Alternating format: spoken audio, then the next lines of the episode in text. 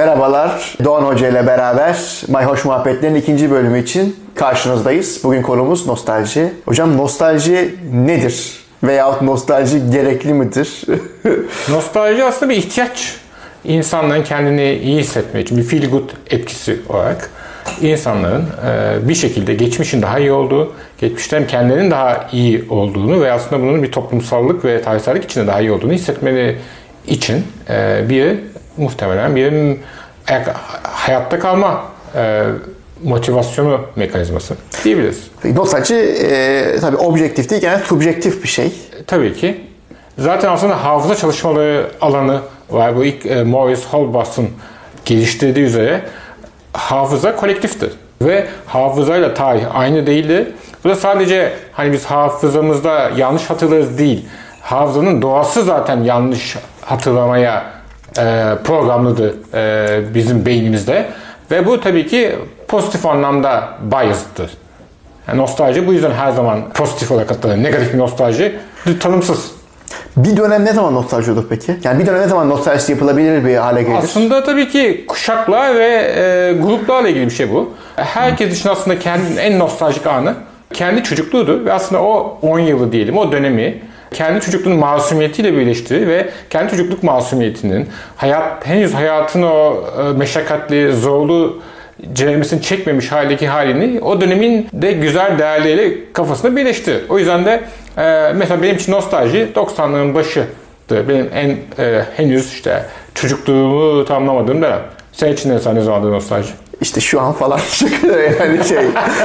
ya benim için mesela nostalji mesela futbol bakımında baktığımız zaman 2004-2008 arası ben hala YouTube'dan bir, her gün maç özeti izliyorum. Bir saat 2004-2005 sezonu falan filan. Halbuki o zaman oynanan futbol çok mu iyi? Hayır ama e, bir şekilde o zamanki can oluyorum belki bir evet, noktada. Tabii. E, o zaman yaptıklarım aklıma geliyor. Benim için de, futbolda her Fenerbahçe olmasam dahi Fenerbahçe'nin 103 gollü şampiyonluğu Hani benim için kalıcı bir şey. Ya da e, e, unutulmaz takım deyince benim aklıma Milan geliyor. 90-91 Milan'ı geliyor.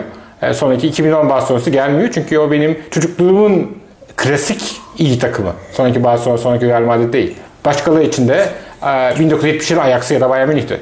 Mesela bende de şey e, Pierre Van Hooydonk'u mesela seviyorum. Niye seviyorum? Adam beni bayağı bir ütmüştür aslında ama evet Pierre Van Hooydonk Fenerbahçe'de oynarken şu, şu an baktığın zaman 52 yaşında bir adam.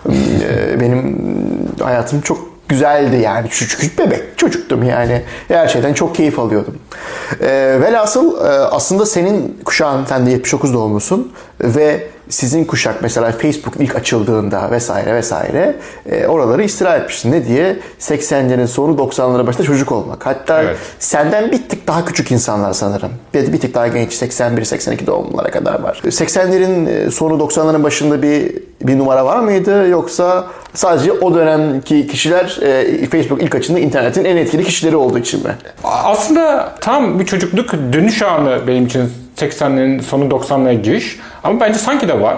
Çünkü Türkiye'de özel televizyonlar devreye giriyor ve çok canlı bir hayat giriyor. Hatta şunu düşündüğümü hatırlıyorum ben. Artık hiç sıkılmam. Çünkü Star var. 24 saat boyunca bir şey izleyebilirim. Çünkü o zamana kadar hani TRT'deki sıkıcı bulduğum şeyler dışında hayatı geçirecek bir şey yok. Hayatta hiç sıkılmam diye düşündüğümü hatırlıyorum. Ve hakikaten çok yeni bir canlılık geldi. Ve hala birçok kişi için e, bugün pop müzik deyince 90'ların başı akla geliyor. Ki o zamanlar 90'ların popu tam bu yozlaşma nerede o eski işte 60'ların saflığı gibi bakılıyordu. Bugünse bir de şu anda artık yaşlı 50'lere gelmiş Yaşar Kıcağ'ın o 25 yaşındaki o halde hani bu işte uzayın girdiği o an videosundaki işte Sertab Erener'in işte tüm o e, kuşağın e, işte Levent Yüksel'in o genç halleri belki şu anda insanla yaşamadığı bir şey nostaljisini yaşıyor aslında şu anda. Bu biraz farklı bir şey aslında. Şu anda biraz o eski Türkiye muhabbeti biraz da genç kuşak yaptığı zaman yaşamadıkları bir döneme nostalji. Aslında bu da nostalji. Hani bugün de çünkü hani ben 90'ların başını ya da eski, o eski Türkiye yaşadım ama ben de yaşamadığım diyeyim 60'lara karşı nostaljik bir şey his duyabiliyorum. Gerçek ya da değil. Gerçek değil zaten ama nostaljinin kendisi gerçek. Mesela Şokopop diye bir kanal var biliyorsundur. Tabii. İki çok güzel incelemeler yapıyor vesaire. Çok harika bir kanal bana göre de. Ama Şokopop'un da bu kadar tutmasının ve sevilmesinin sebebi sanırım o da e, bir şekilde nostaljik bir şey yansıtması. O dönemleri yaşasak ya da yaşamasak da çünkü bazı anlattı. Hani Zeki Müren'i anlatıyor. Mesela Zeki Müren'de çoğumuz yokuz bile. O kanalın izleyicileri arasından konuşuyorum. Veyahut e, Sezen Aksu'yu anlatıyor. Kimileri var, kimileri yok. Sezen Aksu Yıldız Tilbe olayları sırasında kimileri var ama yok. E, ve, ve, velhasıl Hande Yener, Demet Akalın falan çok net ama her şekilde bir nostalji veriyor orada Ee, ve çoğu kişinin ilgisini çekiyor. Yani o dönemki Türkiye'nin her boyutuyla görüyorsun vesaire vesaire. O da nostaljiler yakaladı herhalde. Evet tabii Çokobot da aslında e, tam bir boş alan bir hani çok talebin olduğu bir şey. Tabii çok da iyi bir araştırma yapılıyor. Ama hakikaten kavradığı konu tam olarak eski Türkiye nostaljisini e, kapsayan, kavrayan bir alan. Peki ee, şey ne diyorsun? Birol Güven mesela hem 80'ler hem 90'lar diye dizi çıkarttı. 80'ler dizisi gerçekten yaklaşık e, herhalde 7-8 sezon oynadı. Evet. Ee, nedir yani bu 80'ler özel olarak çok fazla nostaljisi yapılan bir dönem bu arada. O dediğin gibi özel özel televizyona geçiş, işte e, liberalleşme falan filan o sebepten mi kaynaklanıyor? Aslında tam öncesine belki geldiği için 90 yılı, 91 yılı belki Türkiye'de çok daha bir zenginlik şatafatın görünüyor hale geldi. Özel televizyona bir yandan da Türkiye'de zenginliği gösteri kıldı. Yani o magazin programları.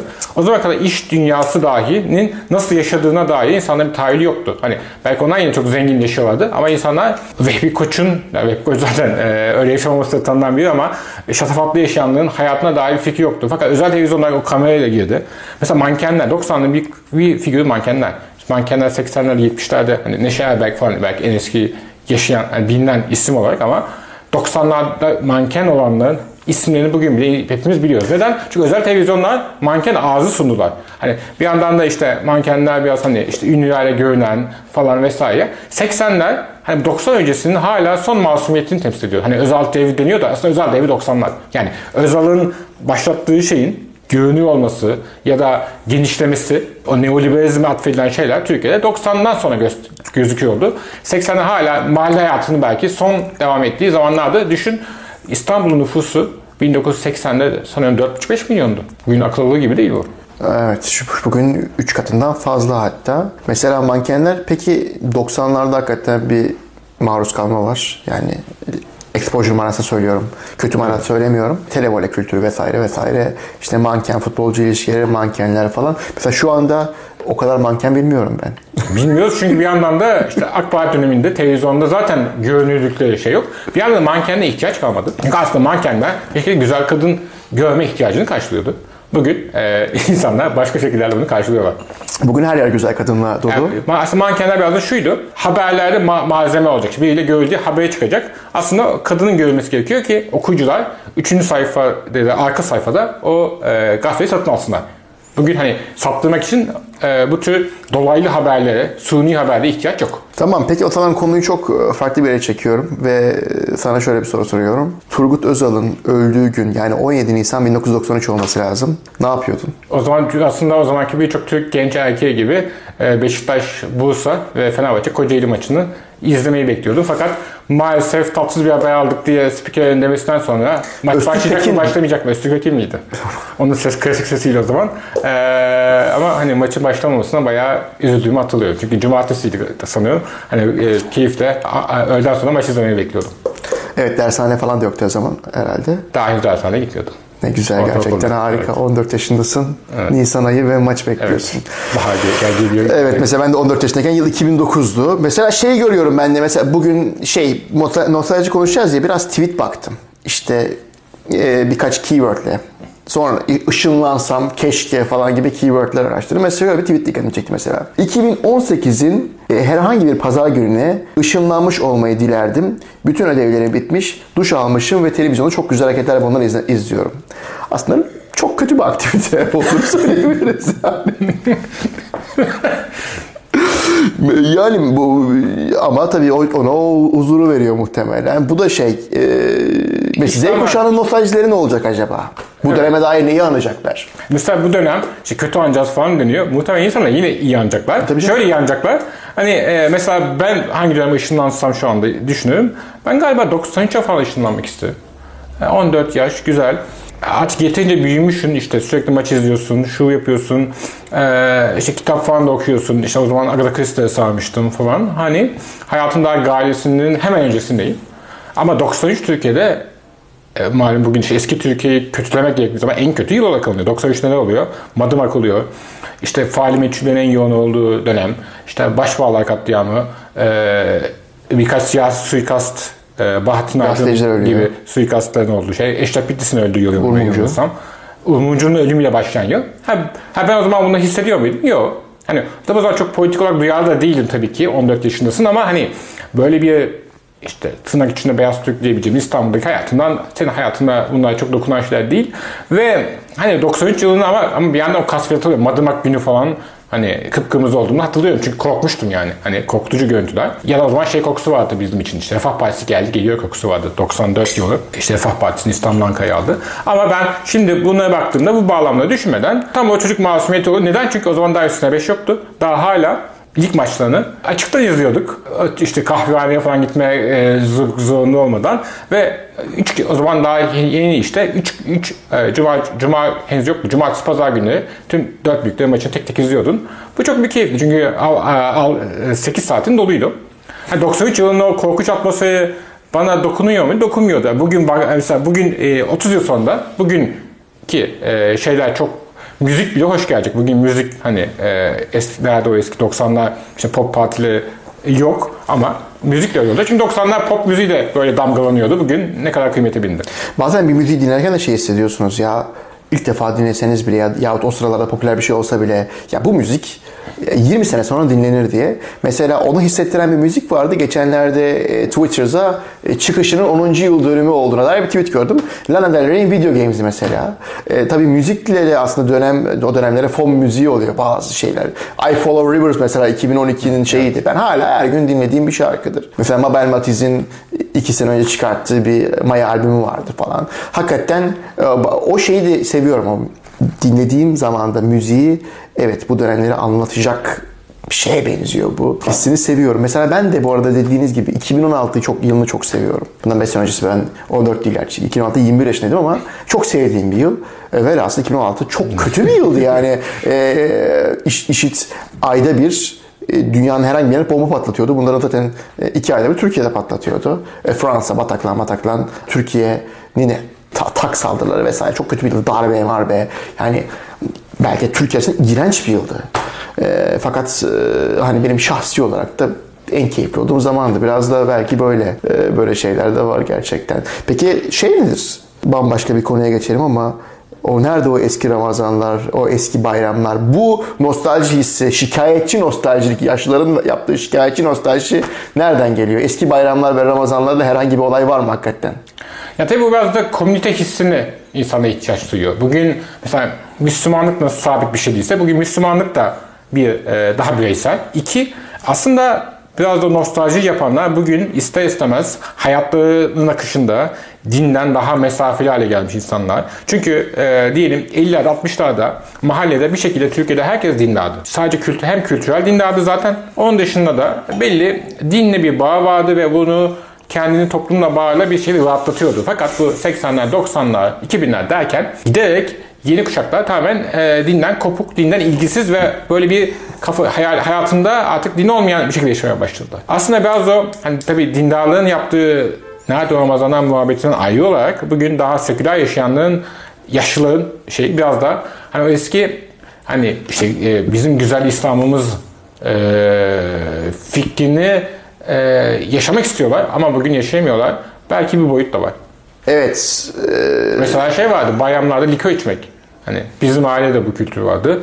Ee, bu çok alakasız kişilerden duydum. Yani Anadolu aslında bu bir şekilde Cumhuriyet'le bir şey, ya da biraz öncesinde yerleşmiş bir e, adap ve bu onlar için İstanbul'un parçası. Mesela bazı insanlar ciddi ciddi şeyden şikayet ediyor ki bunlar çok yaşlı insanlar da değil. İşte eskiden likör içiliyor artık içilmiyor falan filan. Aslında bunun bir insana rahatsızlık verecek bir şey yok yani. İçilir içilmez. çok istiyorsanız iç alın bir likör dökün bayramlarda yani. Eskiden içilirdi artık içilmez falan.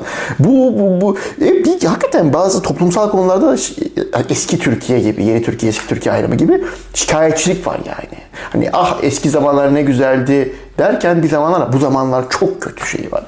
O bakımdan mesela eski Türkiye şey de var yani. Yeni Türkiye, eski Türkiye zaten bir hani siyasi olarak gelen bir yeni Türkiye diskuru var Türkiye'de. Ee, o yeni Türkiye'den memnun olmayan insanlar da otomatik olarak eski Türkiye övücülüğüne başlıyorlar. Veyahut hiç eski Türkiye'yi görmemiş insanlar. Veyahut eski Türkiye'de çocuk olmuş insanlar. Aslında eski Türkiye'de zaten çok matah bir yer değil. Evet.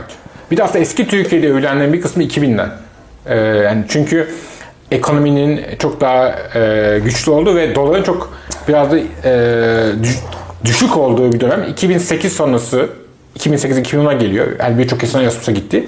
Fakat tabii o zamanki siyasal konjonktür de farklı. O yüzden eski Türkiye'nin bir de kronolojik bir devamlılığı yok aslında.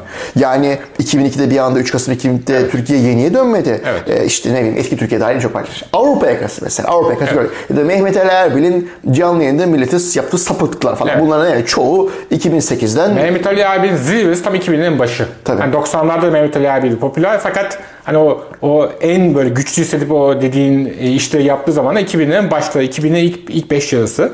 Ben bugün Mehmet Ali abi deyince 90'ların ta kendisi gibi bir figür kafamıza canlanıyor. Evet e, yani şey e, tam olarak dediğin gibi 2008 öncesi sanki 90'larmışçasına e, bir algı var.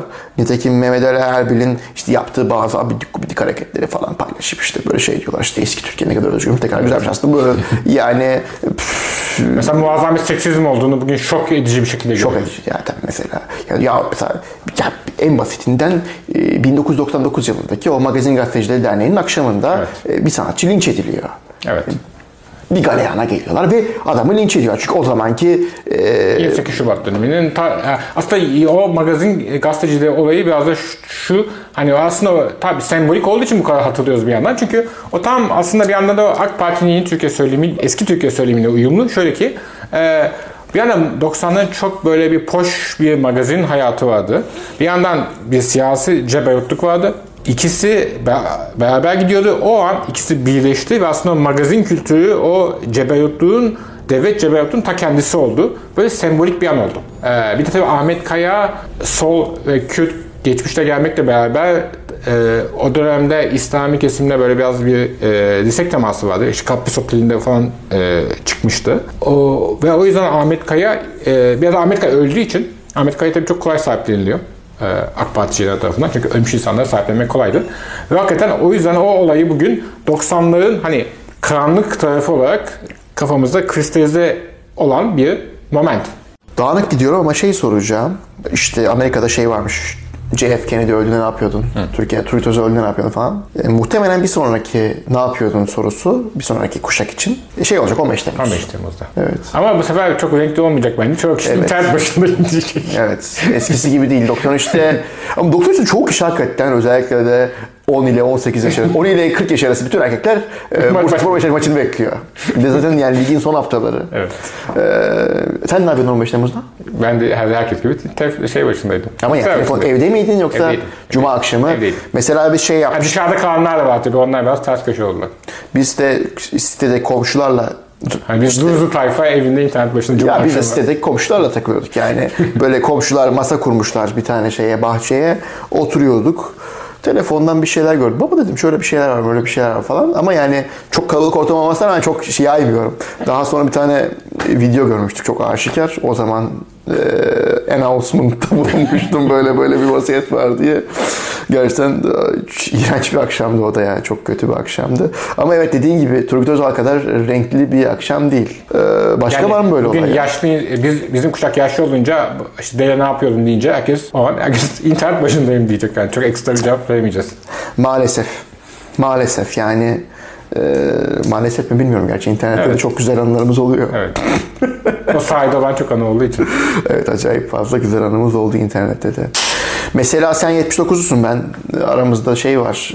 e, sen şeyi hatırlarsın işte bu Beyoğlu'nun Beyoğlu olduğu zamanı falan. İşte iki Beyoğlu var aslında. Bir e, Neo Beyoğlu var. Onu mümkün kılan koşullar Tarlabaşı Bulvarı'nın açılması.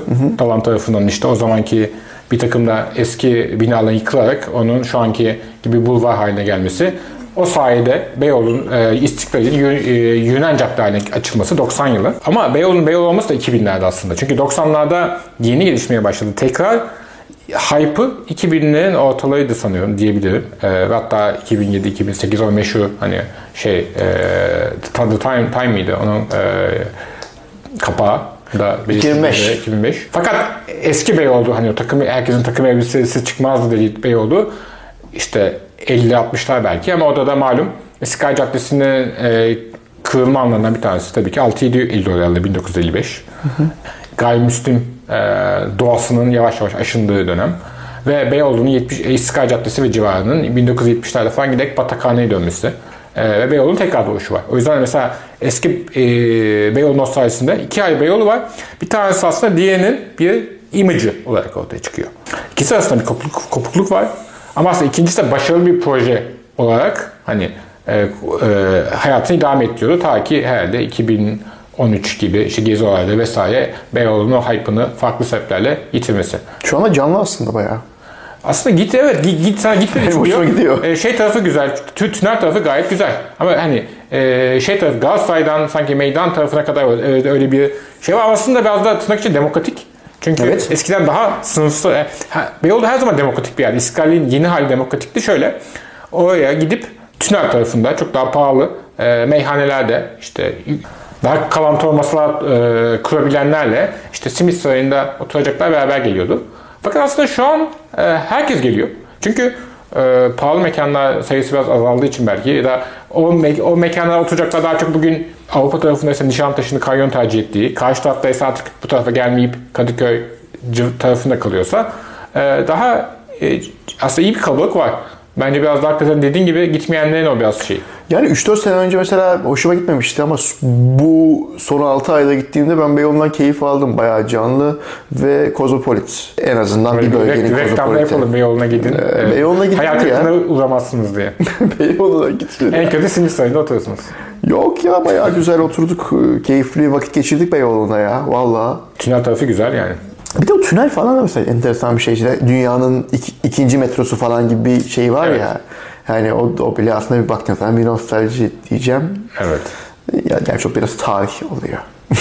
Bayağı objektif bir mesele. İşte hani Beyoğlu'nun olayı da biraz hani mesela şimdi Kadıköy gelişti. e, e, biraz oraya sıkıştı. Fakat hani onun bir tarihi yok oradaki binaların. Fakat Beyoğlu'nun bir tarihi var. İnsanlar bir şekilde tarihi olduğu yerde onu hissederek oturmak, kalkmak istiyorlar. E, o yüzden de hani tarihi mekanların otomatikman bir rant değeri var. Çünkü hani eski İstanbul'da insana kendini associate ediyor.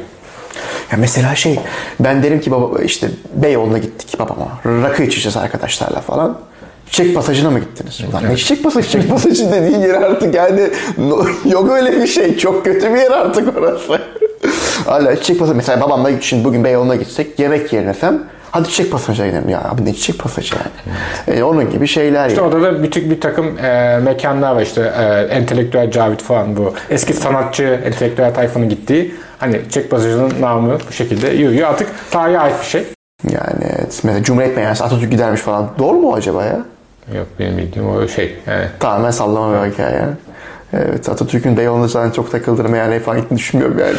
Adam Cumhurbaşkanı olduktan sonra kendi içiyordur içecekse. Neyse. Peki yani bu nostalji tarihin aslında alternatif tarih gibi bir şey. Yani öyle tam olarak e, denmese de e, insanların romantik tarihi kendi kişi, kişisel deneyimini o- şey yaparak oluşturduğu. Peki buna fazlasıyla takılmak ve bugünü reddedip bugünü tukaka etmek veyahut e, başka şekilde geçmişi tukaka edip bugüne fazlasıyla bağlanmak. Yani nostaljiyi abartmak tehlikeli midir? Nedir?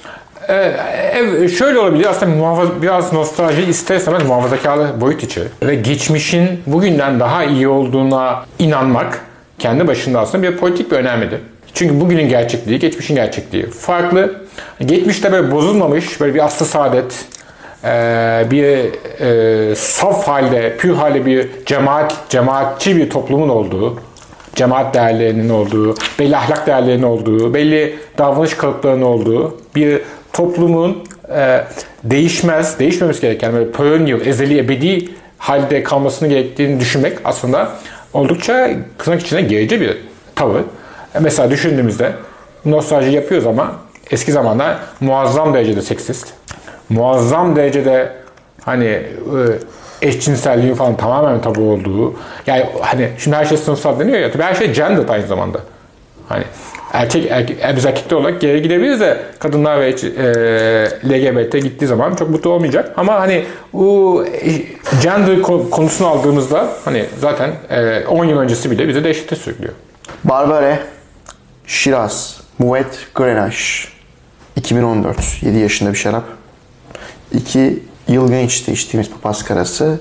Bu da yine Trakya bölgesinden. Ee, Şiraz Moet Grenache bu Ron blend aslında. Ron Vadisi. Bu Lyon'un güneyi oluyor Ron Vadisi. Ee, Güneydoğu Fransa. Velhasıl e, bu blend hani bu Chateauneuf de Pape'ın falan da olduğu bölge orasıdır. Bu blend e, Türkiye'de çok fazla yok Barbary haricinde yapan. Sanırım e, Selendi bu üzümler ekiyor. Yani Şiraz çok popüler Türkiye'de ama Moet, Moet ve Grenache çok ekilmiyor. Bu da enteresan onun için denemek istedim bunu. Makro'dan 76 liraya aldın. Kesene bereket. Esnaf. 76 liraya Makro'danın bulunabilir güzel bir şarap. Hani bunu da e, Paşeri Papaskarası geçen hafta içmiştik. O Carrefour'a girecek. Hani burada biraz da böyle içen kişi, izleyen kişiler sonunda hani bir şarap bulsun kendine falan filan diye de böyle bir e, hoş olur böyle paylaşım yapmış oluruz. Nitekim bulunabilir şaraplara tüketmek istiyorum. Velhasıl renk nedir? Renk e, yakut. Çoğu Evet. kırmızı şarabın olduğu gibi medium ruby. Orta yakut. Soluk ya da çok derin bir yakut. Burunda ne alıyoruz? Biber. Biberli. Evet karabiber, Biber, yeşil biber. e, karabiber, böğürtlen, Karanfil. menekşe, kiraz vesaire vesaire. Güzel güzel bir burun var hakikaten. Evet. E, orta yoğunlukta.